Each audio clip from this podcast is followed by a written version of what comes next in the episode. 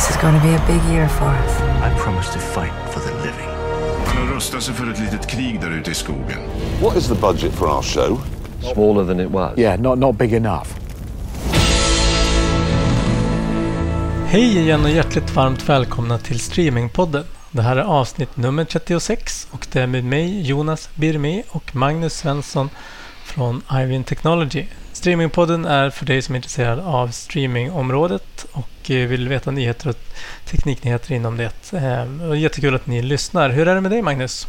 Alldeles utmärkt och nu ser jag att solen börjar titta in här på eftermiddagen så att ja, alldeles utmärkt.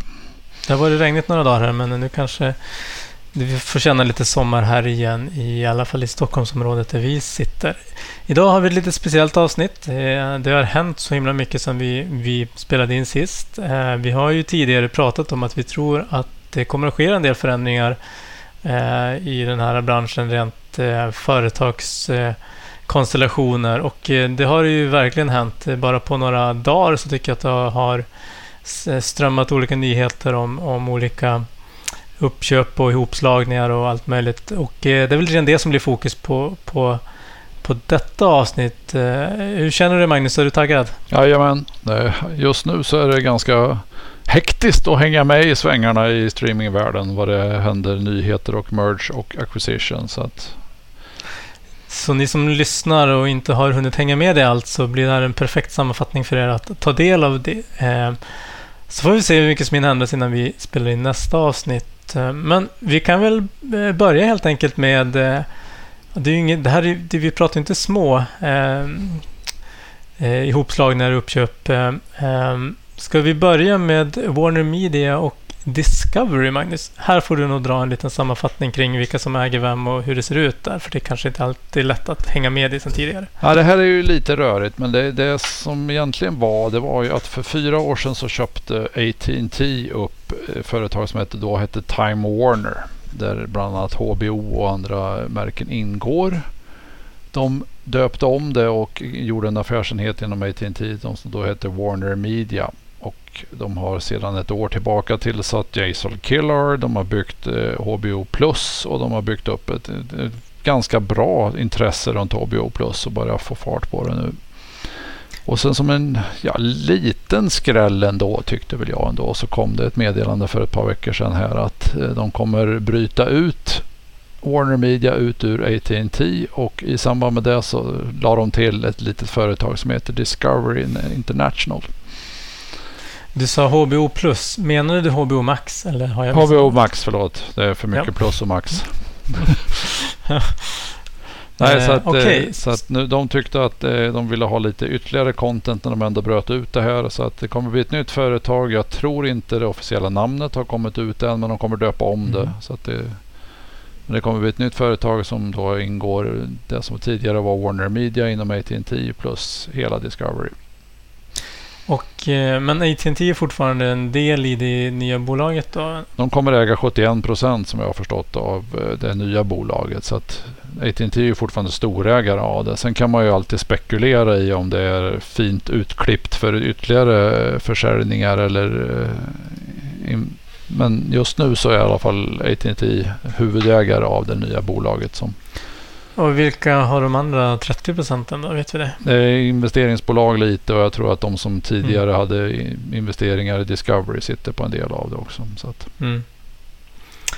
Ja, det blir väldigt spännande. Och AT&T eh, det är ju ett eh, telekomföretag. Mm.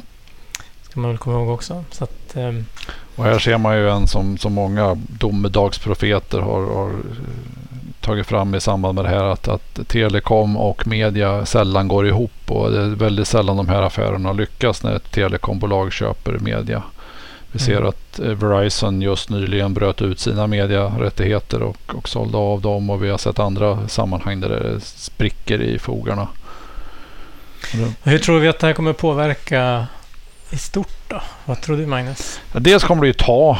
Eh, jag tror att de räknar med att det är år innan det här är etablerat och gått igenom alla processer vad det gäller merge och eh, bolagsformeringar och eh, konkurrensverk och alla sådana saker. Men alla tror att det går igenom.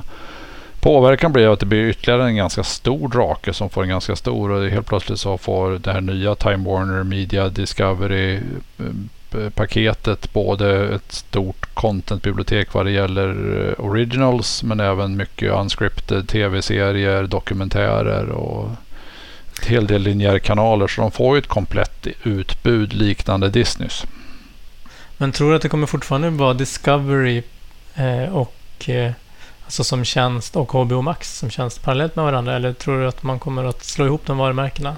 Långsiktigt, långsiktigt kommer de garanterat göra det. Det är frågan hur snabbt de kommer göra det. Om man tittar på Disney så har de ju fortfarande kvar Disney Plus och Hulu och ISBN som separata. Mm. Sen att man gör en bundle av det, det tror jag kanske är ett naturligt första steg. Att man gör en, en HBO Max och eh, Discovery Plus bundle. Jag kan ju tänka mig också att det kanske det första man gör är att man slår ihop användarbasen så att du kan logga in. Mm. Har du ett HBO Max-konto kan du eh, logga in på Discovery också, säkert i någon form. Ja. Kanske inte med samma paket, men du kan i alla fall logga in. Ja, det som var intressant i kråksången här är också att det var Warner Medias VD Dave, eller Jason Killar hade ingen aning om den här affären förrän eh, helgen innan. De släppte det på måndag för ett par veckor sedan och helgen innan fick han reda på det. Vilket Mm. eh, kanske inte är det roligaste som VD för Warner Media. Men, Men han gick ut igår och sa att han skulle noterade, va? fortsätta ett år. Så att, Ja, men AT&T är ett noterat bolag. mm. Så de får väl inte berätta sånt kanske för tidigt. ja, för den som på något vis var VD för det som bröts ut känns det som att det inte vore Ja, kanske. Ja. ja, nej, men han kanske inte hade gått med på det heller då. Nej, så, men nu det, kommer det ju vara David Zaslav som är Discoverys eh, VD som kommer driva det nya bolaget. Och vad kommer han att göra då sen, tror vi? Nu när vi ändå spekulerar med det. Eh, vem av dem?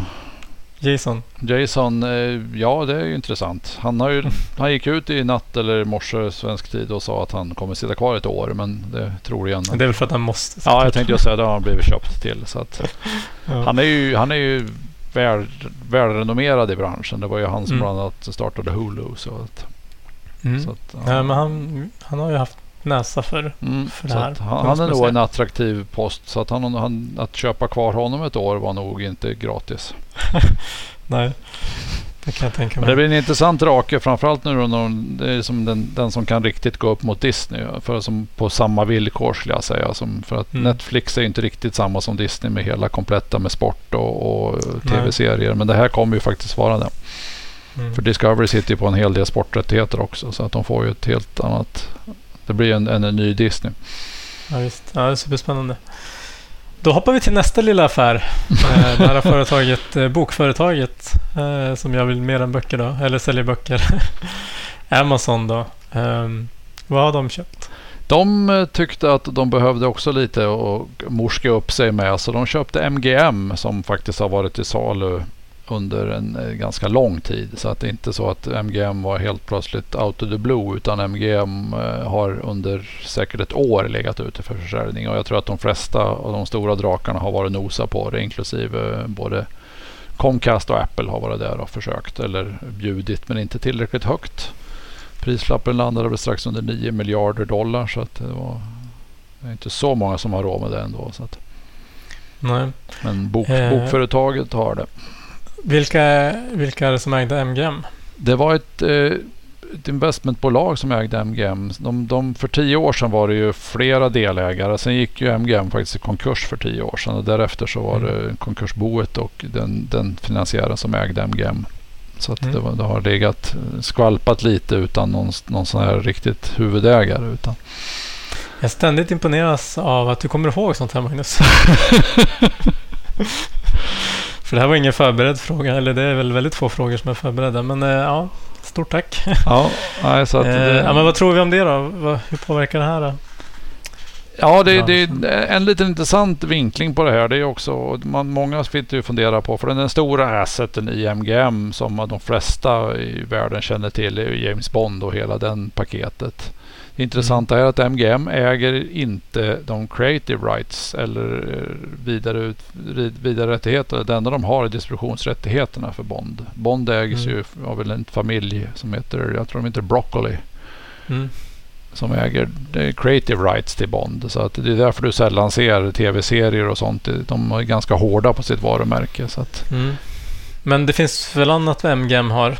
Ja, de har en hel del filmer så som Handmaid's Tale och The Vikings och en massa filmer. Bland annat Rocky såg jag som låg hos dem. Mhm. Och 12 Angry Mans och så Mm. att de hade, vad är det, jag tror det är 4 000 filmer och en, ja, 17 000 timmar tv. Så att, Men det intressanta här i sådana här uppköp, det är väl egentligen kanske inte vilken katalog de har eller har haft, utan det är väl framförallt att de har kapaciteten och kompetensen att, att göra bra Mm. filmer och serier. Ja, det, är väl, jo, det är väl för det är- framtida investerare, men egentligen man ska se det här som att man bygger på. Men Amazon har ju sin studio också, Amazon Studios som de kallar det. Det här blir ju väl ett, ja, eh, om det blir ett se- separat, eller om, det- om det sväljs av varandra, det vet man väl inte, men, men om inte annat så blir den sammanlagda kompetensen i alla fall att bidra. Ja, det ska bli till att intressant vara- att se hur de kommer fördela ut det mellan Amazon Prime och sen de har ju en annonsfinansierad del som IMDB TV också som de kanske kommer putta ut en del av tv-serierna i skulle man kunna spekulera i. Mm.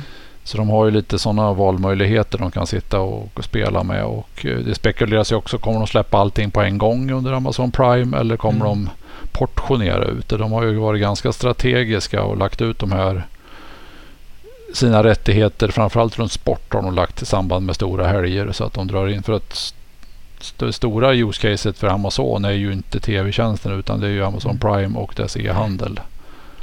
Jag tycker ändå det som är intressant under de här senaste åren man egentligen känner, det är ju att mycket av det som tidigare var ganska väl separerat, men du har, du har bio Hollywood, det var, som, det var en liten Eh, ett, en litet kluster och sen så har du tv och media, det var ett annat, eller tv i alla fall, eh, det var ett annat kluster som kanske Ja, det var ju, visst det visades filmer i tv och så vidare, men det var ju äldre filmer och så, men det levde som ändå lite grann två det var ju två olika branscher då i någon form. Men nu går ju verkligen alltihop och allt börjar finnas i ja, vad som är, vem som är distributör och vad som är eh, filmskapare och, och eh, eh, tv-bolag. Allt det här flyter ju verkligen ihop. Eh, alla blir ju allt på något sätt. Mm. Ja, det är, det är väl, väldigt rörigt också vad det gäller för många av de här serierna och, och filmerna som MGM ägde är ju, har ju redan bara sålts distributionsrätter till. Som, eh, om jag inte minns helt fel så är det väl Hulu som sitter på Handmaid's Tale distributionsrättigheterna tror jag. Så att vi kommer få en intressant sörja sen när det här ska redas ut vart alla rättigheter sitter och vem som äger vad och vem som får distribuera. Och, Ja, om det är många här i Sverige och Norden tror jag som tänker att det är en HBO-serie eftersom Mm. den distribueras av HBO, HBO Nordic här. Mm. Så. Mm, det är Så- inte lätt att ha Nej, koll på det, allt men det det här. är intressanta uppköp. Nu sitter man ju och spekulerar vad är nästa som kommer runt hörnet och, och min gissning där känner väl jag Viacom CBS ligger väl eh, som nästa på tur av de stora att bli uppköpta och då pratar vi väl ännu större prislappar så det är inte jättemånga kvar som har de pengapåsen så att min spekulation där är eh, Comcast som idag sitter på NBC Universal. Mm. En merge Ja, det där. vore ju väldigt, väldigt spännande. För Viacom CBS, för våra, jag kan väl repetera för våra lyssnare, vi- vad, vad är, ja, förutom CBS då, den tv-kanalen. Så är det Paramount Plus är väl det som egentligen det som vi känner till i här och, och då Comcast och, och NBC Universal som sitter på Peacock så att de, de skulle ju kunna slå upp sig till en ganska intressant. Då har vi tillbaka en sån här tredje större som har både sport och, och film och tv-serier och, och Mm. så att det är väl nästa spekulation och sen, sen tror jag skrev det på en av mina artiklar eller postar häromdagen att det skulle vara intressant sen när, när Apple sen går in och köper det nya Time Warner Discovery-bolaget. Så, att, så är vi Ja. färdiga sen. Ja. Det, avsnitt 36, då spådde vi det. Vi får se. Eh, Men det händer saker i Europa också. Jag ska hoppa till eh, i Frankrike. Ja, det, det, hamnar väl lite i bakvattnet men jag tror det kommer ungefär i samma veva så är det två av de största broadcasterna i Frankrike eh, som är RTL och TF1 ägda. Så att det kommer bli en merge mellan TF1 och M6 Mm. och kommer då skapa en, ett, ett, eh, fyra värde revenue runt 4 miljarder euro. Så att det är ju ett relativt stor merge. Men det är som att, att även på den franska och eh, europeiska scenen så börjar vi se samma tendens. att det är inte bara de små som slås ihop utan det är även de stora drakarna som blir ännu större. Och jag tror att det är nästan enda chansen de kanske kan ha om och att börja fightas med de, de globala stora drakarna. Så att Mm. det är väl Ja, det- samma där. Det ska också det- passeras en hel del konkurrensverk och sådana här saker. Men man ser ju tendensen är ganska tydlig och även, även på den europeiska marknaden. Där kan jag väl tänka mig ett tydligt sätt att eh, öka marknadsandelar egentligen. Mm. Du adderar en användarbas på det sättet. Ja, du får ju en helt annan muskel, muskel och, och ekonomi och att kanske kunna stå, stå tillbaka. För att det är ju inte bara att de är globala kommer in med globalt content. De, kom, de är ju mer och mer intresserade av att bygga upp det, det nationella utbudet av filmer även i de länder de är, Netflix och andra. Så att Mm. det är nog ganska tufft att sitta på den lilla europeiska marknaden och kämpa som en liten spelare. Så att jag, Mm. jag tror att den här tendensen kommer vi se mer av. Att de, de kan, mindre i sammanhanget så fortfarande extremt stora företag går ihop också. Mm. Tror du vi kan se något sånt i Sverige? Jag skulle inte vara förvånad. Man, man ska väl aldrig säga det. Att man, man tror ju inte det när man ser dem titt som tätt bråkar om utsändningsrättigheter och sådana här saker. Men, och det är frågan liksom vilka, vi, vi har ju sett redan lite sådana med eh, Telia och, och Mm. eh, Bro- Bonnier Broadcasting. Och, så att det, är- det är väl nog inte det sista vi har sett där. Nej. Ja, men det blir ju spännande såklart också. Eh, ett annat svenskt bolag, eh, Viaplay, eh, har ju, ja, de har ju, som vi säkert har nämnt här tidigare, de, de avancerar och satsar globalt. Och vad är det senaste de har gjort i, i den riktningen så att säga? Jag tror det var förra veckan eller veckan innan där så lanserade de i Holland och i samband med det också gick ut och hade köpt rättigheterna för eh, Formel 1 i Holland. Vilket var ett eh, väldigt snilledrag skulle jag säga i och med att jag skulle, jag, är- jag är inte rätt duktig insatt i men förutom skridsko så är väl Formel 1 kanske det absolut största man kan eh, vara intresserad av i, Holland just nu. Skridskor, det visste jag inte. Jo då, det är ett extremt skridskotokigt land i Holland. Okej, ja. Eh, har, de- har de skridskorättigheter också, eller säga? Ja, det, det framgår inte, men det kanske kommer lagom till vintern. Men det spekuleras att de köpte Formel 1-rättigheterna i Holland för eh, 30 miljoner euro. Så att, Mm. Det enda kul ändå för F1 TV då, alltså Formel 1 eh, egna, eller F1 TV Pro kanske heter, mm, har ju, har ju ökat i andelar också, har jag förstått. mm, Så att, eh, men det eh, finns ju säkert utrymme för båda på, på olika marknader där också. Eh, Jag, jag ser i forumen här i Sverige att det finns många som använder sig av kör F1 TV Pro för just mervärdet det, det har. Och de kanske också har i kombination med Viaplay abonnemang. Så det handlar väl om att hitta den här för, för de här riktiga nördarna som betalar massa. Och, i år, och, och kanske speciellt i år då när man inte har kunnat åka, åka på racen lika lätt så kan Mm. det få ändå en de har lyckats möta, de har lyckats fylla det hålet med, med mycket produktioner från, från plats så att säga. mm. Lite mer. Ja, jag tycker, jag tycker än så länge vad jag ser från vad Viaplay gör med sin eh, exponering och, och sin utlands eh, endeavor som de har gett sig ut på nu så gör de det ju väldigt rätt genom att komma med erfarenheten och de har ju sänt Formel 1 i Norden ganska länge så att det är inte någon ny erfarenhet för dem att göra det. Så att jag tycker de plock, han plockar ganska bra rättigheter och bra sätt att slå sig in för att Vem Men plockar de det ifrån? Vet vi det? i det här fallet så plockar de F1 ifrån eh, Siggo har jag för mig det var. Ja, Det är en okej. holländsk eh, Mm. tjänst. Mm. Så att eh, nästa, nästa på eh, tur är väl Polen för lansering tror jag har fått för mig. Att Polen de, Mm. de sneglar väl åt USA-hållet också men Polen är nästa. Ni kör ju inte Kubica längre i Formel 1 så det har väl ingen... Ja, då får de, I Polen vet jag inte riktigt vad de ska in och, in och plocka för rättigheter för att, att locka polackerna. Någonting annat som är större. Ja, Fotboll kanske? Fotbollen är ganska stor. Ja. Mm.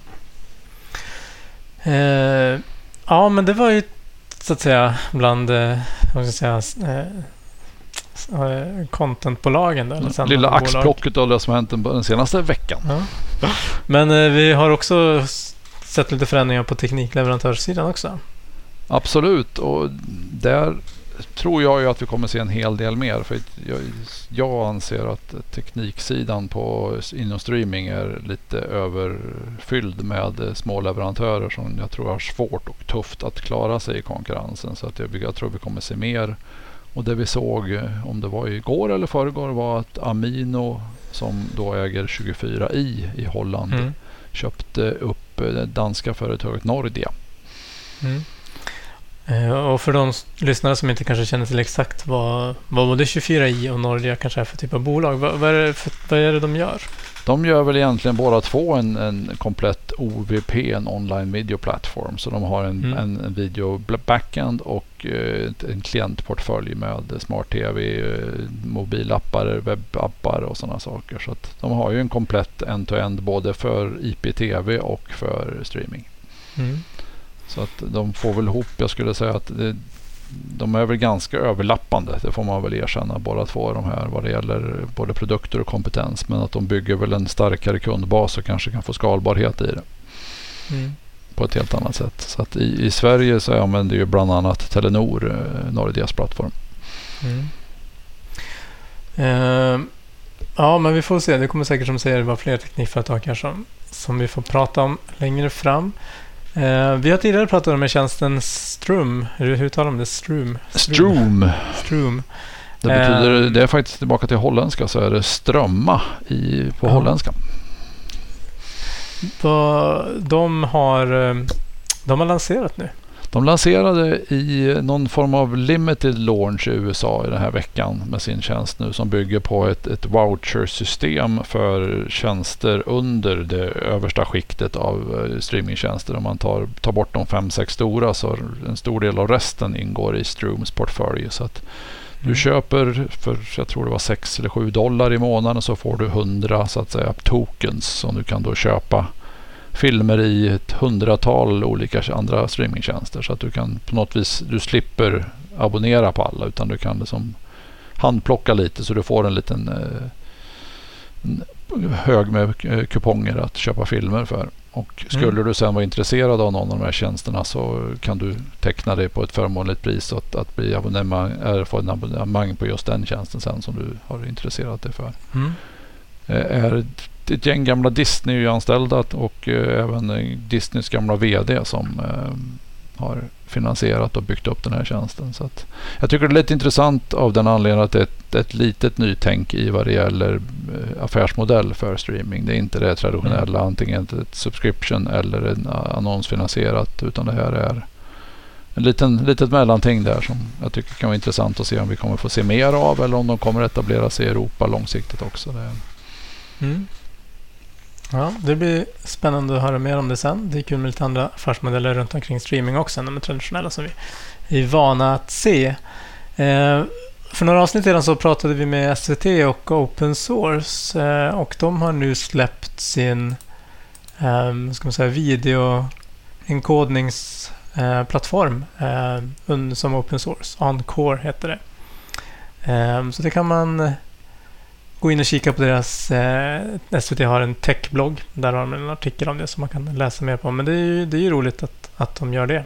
Jag har fått väldigt bra intresse för den nu runt om. Jag ser att många som har, har även Jan Åser och andra stora skribenter har varit inne och recenserat och, och provtryckt Mm. den. Så att de, de får mycket, mycket cred på marknaden för sin open source. Så Mm. har fått- Den är baserad på FFmpeg har jag förstått. Som också då är open source. Mm. Så att den, den har väl ett litet ramverk runt det med att eh, göra kvalitetschecker och de gör lite sådana Mm. saker. Filtrering, prioritering och paketering och hela. Så att Mm. kommer ut små fina videofiler i andra änden. Mm. Och det är som med all open source. Men det finns ju det är alla möjligheter att eh, forka av och, eh, och bidra tillbaka. eh, Om man vill det. Om man använder av det. Och det är, det är sånt som vi både själva gör en hel del och eh, vill uppmanar andra att göra också. I alla fall om man använder sig av open source-komponenter. Så bygger lite grann på det eh, konceptet för att det ska för att det blir den styrka som det är. Eh, men med det sagt så kanske vi ska avrunda då med eh, veckans, eller det här avsnittets poddtips. Eh, och det är väl också lite relaterat till open source där. Jag vet i alla fall ett av, ett av tipsen som du har Magnus. Vad ska vi lyssna på förutom streamingpodden? Ja, ett av tipsen är faktiskt lite mer tekniska hållet den här gången och det är The Muxt, eh, Mux-gängets eh, podcast. De kör lite oregelbundet men de har kommit igång igen nu och de, i senaste avsnittet så intervjuar de Rob Walsh som jobbar på JB Player och eh, eh, har tagit sin barm runt HLSJS. Ett JavaScript-bibliotekspelare för, som är open source. Som eh, har legat under JV Player under ganska länge nu och eh, de Mm. släppte en faktiskt, jag tror att det var första 1.0-versionen de släppte nu här i, för ett par veckor sedan. Mm. Så att det är intressant. Han går igenom hur, vad det innebär att bygga en, en open source-spelare och, och vad Mm. den har för features. Så den är intressant. Mm. Och det andra tipset jag har det är, det är mer åt eh, engagement-hållet. Det är en podd som, där de intervjuar Jay Lee som är produktchef på NBA. Som gör kanske den mest eh, entertainment eller me- mest eh, engagement-appen inom sport skulle jag säga. Det finns en extremt bra gjord streaming-app för sport. Och han är intressant att höra hans tankar runt hur man skapar engagement och experience runt en, en sportsändning. Mm. Och vi länkar till de här poddarna i våra show notes kan vi tillägga. Så om ni inte... Ni behöver inte leta upp dem själv om ni inte vill det. Um, så de finns där. Att, att, ja, vi länkar till dem helt enkelt så ni kan lyssna på dem när ni har tid och lust. Eh, då har vi väl uttömt eh, dagens avsnitt med ämnen. Om du inte har någonting mer att tillägga Magnus innan vi rundar av. Nej, det är nu problemet att de har ju suttit nästan en, en halvtimme bort här som man kan ha hänt någonting på. Så det är bäst att gå in och titta. Ja. Får vi se när det här avsnittet kommer ut också. Om vi lyckas tajma då släppet med att någonting stort har hänt som vi precis missade. Mm, troligen. Eh, Det, det är kanske troligt. Eh, Men i alla fall med det sagt, jättestort tack ni som lyssnar och fortsätter lyssna. Vi, vi tycker verkligen om att eh, ni gillar och följer vår podd. Och har ni några kommentarer eller synpunkter så, så finns både jag och Magnus på Twitter. Eh, Svensson00 hittar ni Magnus och jag heter Jonas Birme. Eh, och eh, kom gärna med tips och förslag på, på saker ni vill att vi ska ta upp eller eh, saker som vi inte ska ta upp kan ni väl också få säga om ni vill det. Med det så vill jag och Magnus passa på att önska er en trevlig helg för vi spelar in det här en fredag och hoppas ni kan få ta del av det fina vädret som förhoppningsvis kommer den här helgen.